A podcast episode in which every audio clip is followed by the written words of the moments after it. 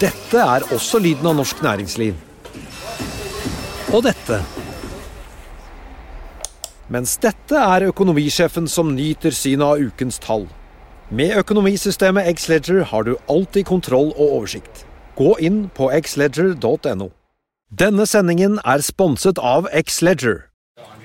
Bedriften står foran et utfordrende veivalg, eller kanskje en krevende omstillingsprosess.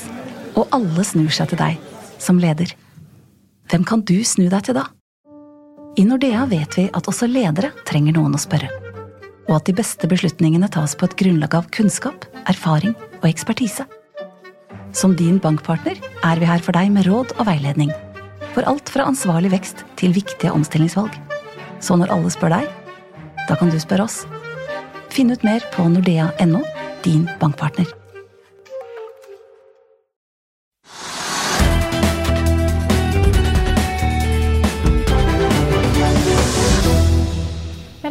Til Økonominyhetene. I dag skal vi se nærmere på Oslo Børs. Vi skal også innom teknisk analyse av Scanship og bevege oss over på hva som skjer i Europa, Asia og USA. Men vi begynner her hjemme. Trygve, akkurat nå er vi ned 0,56% ja, altså De amerikanske børsene var litt ned i går, ikke veldig mye. Uh, stor usikkerhet om handels, handelsforhandlingene med Kina, nye toller som kommer kommende søndag kanskje.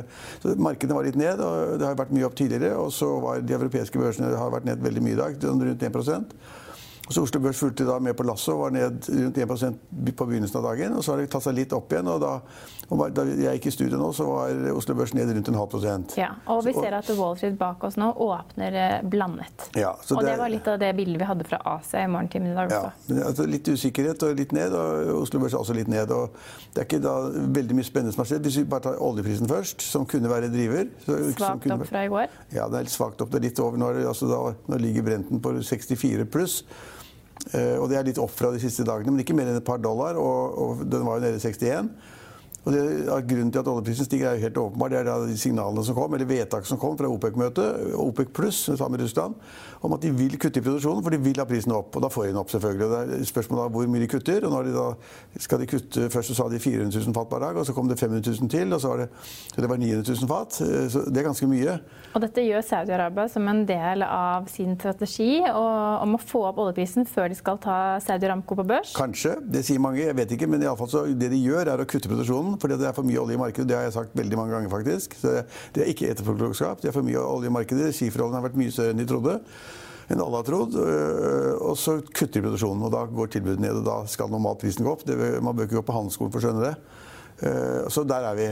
Det, men, men, utviklingen vi ser i Equinor og Aker BP, den reflekteres jo ikke av at vi har en oljepris som ligger på et høyere nivå enn vi hadde sist uke. I dag Nei, da, er jo både altså, Equinor ned 1,2 og Aker BP faller akkurat nå 0,5% men var betydelig lavere ja, for en halvtime de, siden. Man kan si at de er ikke påvirket av det som har skjedd.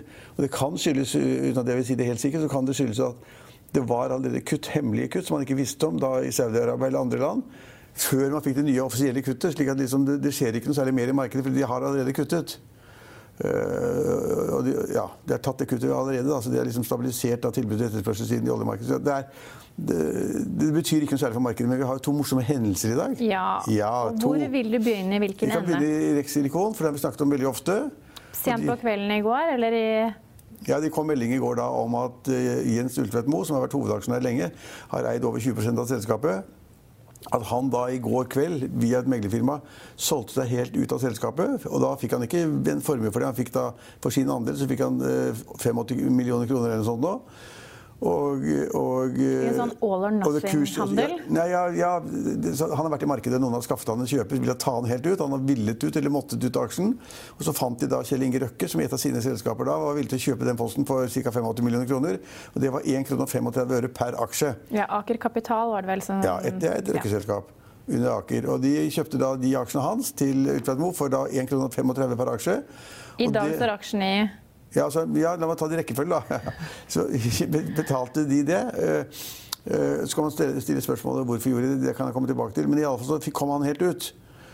Uh, og så Men Forhistorien er jo at han da kjøpte disse aksjene ja, men, av Øystein Stray Spetalen til en vesentlig høyere kurs. Ja, men Langt tilbake så betalte han 3 kroner aksjen, men ja. bare for et halvt år siden så kjøpte han aksjer for 6 kroner for aksje. Så det har en veldig dårlig sammenheng med hva han har betalt bare et halvt år tilbake. Og hva nå får for aksjene. og det betyr, altså du, er, du betaler 6 kroner per aksje for et halvt år siden, og så selger den opp på 1,35, så må du sannsynligvis ut. Noen sier at nå må du selge, eller trenger penger, eller de får ikke lov å være der, eller hva som helst. Så han solgte på 1,35 til uh, Røkke-systemet. Og så kan man spørre da, hvorfor gidder de å betale. Og når de gikk inn, skal ta, ta det med en gang, så da, Etter at det ble kjent at Røkke hadde kjøpt den posten, så har kursen steget da fra de 1,35 som Røkke betalte, til da over to kroner. Det er en kraftig økning, og derfor har også da, da eh, Silikon vært en av vinnerne på Oslo Børs i dag.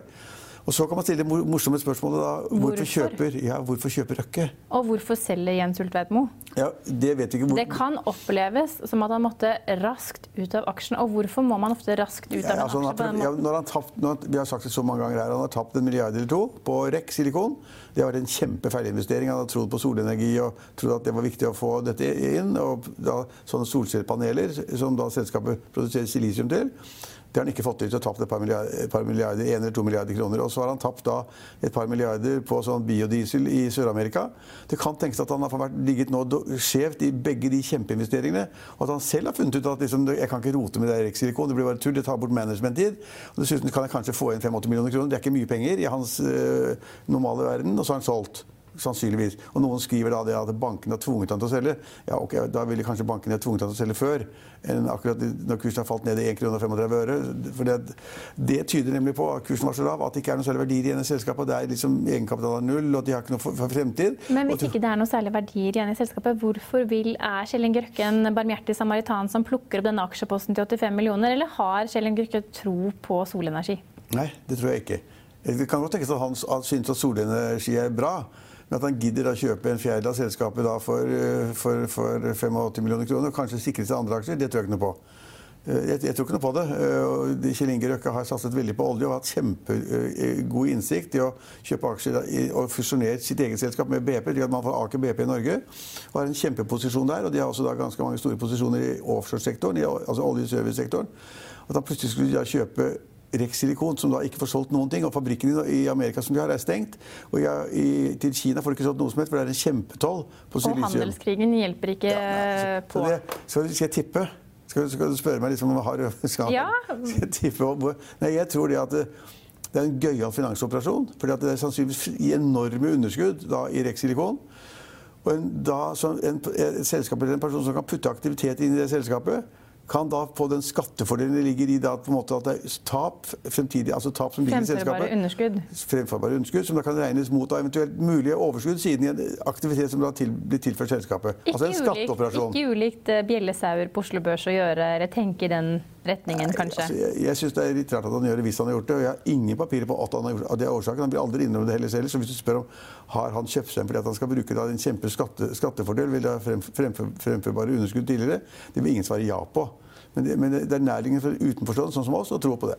Så det er sånn det jeg tror på. Jeg tror men å kjøpt... spekulere i hva som gjør at Ultraut Moe på denne måten bestemmer seg å selge hele posten nei. mandag kveld i en sånn all or nothing-prosedyre, det, det... det, vil jeg ikke, nei, det vil jeg ikke spekulere for det kan, kan, være så mangt. Han gidder ikke mer, har ikke råd. Øh, banker presser han øh, med så store tap han har i, sånn, på den øh, biodieselsiden og på silikon så er han sannsynligvis presset, og så går ikke de restaurantene hans noe særlig godt heller. Han tapper de fleste av restaurantene sine. Han er Burger King og andre burgergreier og pizzaer og masse rart.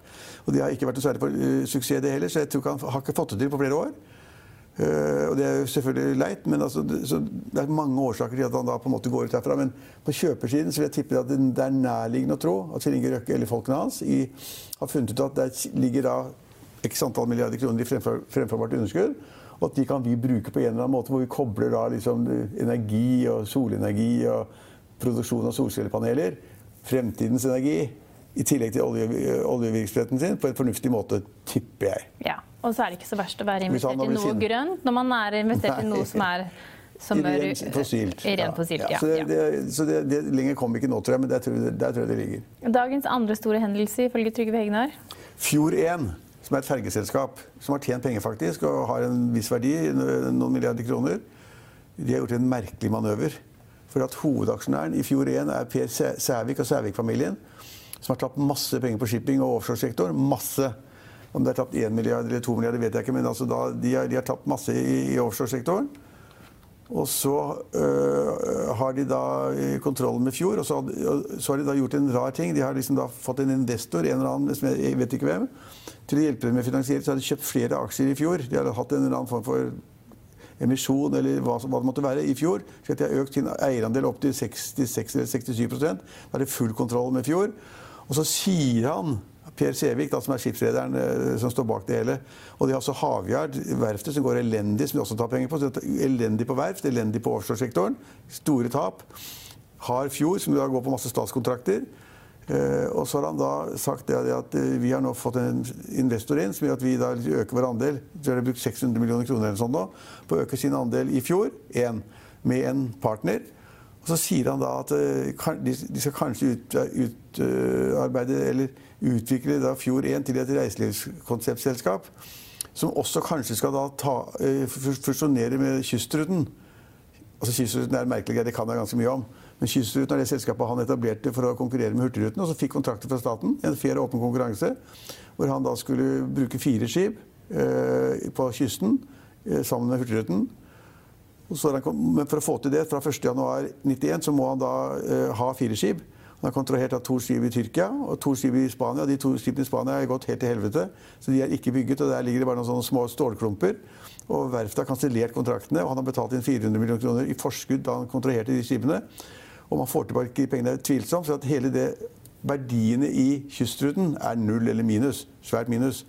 Så hvis han da skal fusjonere da sitt eget private selskap, Kystruten, inn i fjor, for andre aksjonærer, det høres også mystisk ut. Så i dag er det ganske mange, mange mystiske ting, men man vet ikke alt. Så, det, så, så det, akkurat å fusjonere da tapsluke, eller det som er problematisk, fordi hvis man har to skip kontrahert, som man har betalt forskudd for, hvis man ikke får de skipene og må begynne å bygge et annet sted, så tar det minst to år. Og da er de to skipene ikke ferdig til kontrakten med staten. Det skal begynne å løpe fra 1.1.21. Så det er også mystisk. Så i din posisjon som styreleder i Hurtigruten, så mister du ikke nattesøvn av disse manøvrene som skjer i Fjord 1 og Kystruten Nei, altså, akkurat nå? Kystruten da aksepterer vi, det er konkurranse i markedet. Det var en åpen anbudsinnbydelse. Og vi, vi fikk syv skip i den, den, kontrakten i ti år, og de fikk fire. Og det lever vi godt med og planlagt for. Eh, men at de da plutselig skal fusjonere med Fjord 1, høres merkelig ut. Det kan være misforstått at, at media ikke har forstått det, eller, eller noe annet. Men han har iallfall økt sin post. Og det at han da har kjøpt mer i Fjord, har gjort at kursen på Fjord har gått opp med 26% Eh, på samme måte som da Rexilicon, det nevnte vi ikke, har også gått opp 60 i dag. Ja. Så det er liksom de store unntakene fra den grå, kjedelige massen. Og ingen av de, de, de transaksjonene skjønner jeg helt fullt ut. Nei. Det tror jeg ingen andre gjør heller. Nei, Vi kan jo nevne bare Bergen Biosenter kanskje var innom i går. Det faller 7 i dag. De uh, la jo frem sine uh, resultater fra fase 2-studiet med medisinering av Bemsentinib til eldre pasienter med blodkreft. Ja. Uh, var vel oppfattet som positive resultater i går, men faller tilbake i dag. Ja, Men taperne i dag er jo Element, som jeg snakket om først. Ja, og, og, hvorfor faller Element i dag? jo, fordi det er et merkelig selskap som egentlig ikke har noe særlig verdi. Eh, som det er liksom litt gruvegreier, og så skulle de begynne med sånn der eh, Ikke bitcoin, men konkurrent, konkurrent, konkurrent til bitcoin eller sånn. Hadde egen sånn der kryptovaluta. Eh, det har vært bare tull, selvfølgelig. Og, og så trengte de masse penger, og det har de sikkert gjort hele tiden.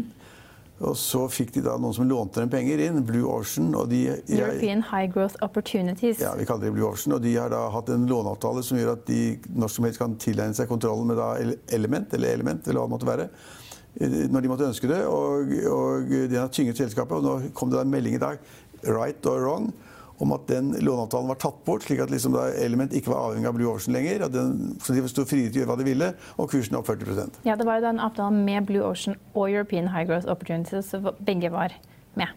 Ja, men ja, for Jeg altså, mente ikke å kalle Blue Ocean noe annet, det var bare at det var to Ja, ja men det poenget at det hevdes da, jeg vet jeg garanterer ikke for det i det hele tatt, hvor ser at den avtalen er borte, og den gjør element friere. og Derfor så har kursen vært opp 40% Ja, og så kan vi ta med at Solstad Offshore har fått forlenget en kontrakt med en av sine CSV-er, og avtalen varer da ett år eh, fra januar 2020. Ja, De har fått faktisk en del nye kontrakter osv., men det av selskapet er også sannsynligvis i realiteten negativ egenkapital. Det er konk nesten, hvis de da, tror jeg.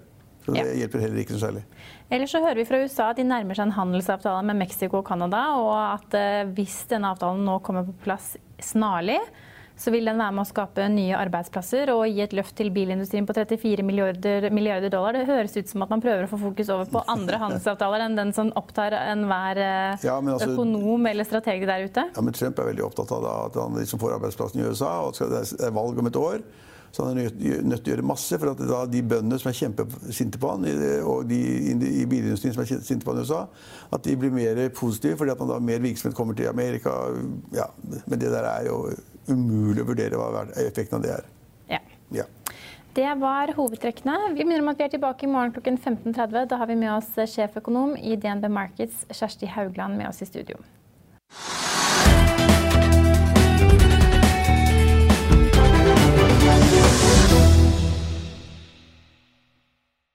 Denne sendingen er sponset av X-Leger. ACAST powers the world's best podcasts. Here's a show that we recommend. This is Roundabout Season 2, and we're back to share more stories from the road and the memories made along the way. We're talking rest stops, if we're stopping to get gas you will be timed. you will be for sure. Misguided plans. I grew up in the city, so I have like, you know, a healthy fear of real extreme darkness. this was like wilderness. A lot of laughs. Y'all weird, but you, yeah, you, you were different. Like you were real different, bro. I can't really put my finger on it. And so much more. Just goes to show that unexpected yeah. things sometimes are the best when it comes to a road trip. Roundabout Season 2, presented by Nissan, is live now with new episodes rolling out every Thursday. Listen and subscribe wherever you get your podcasts.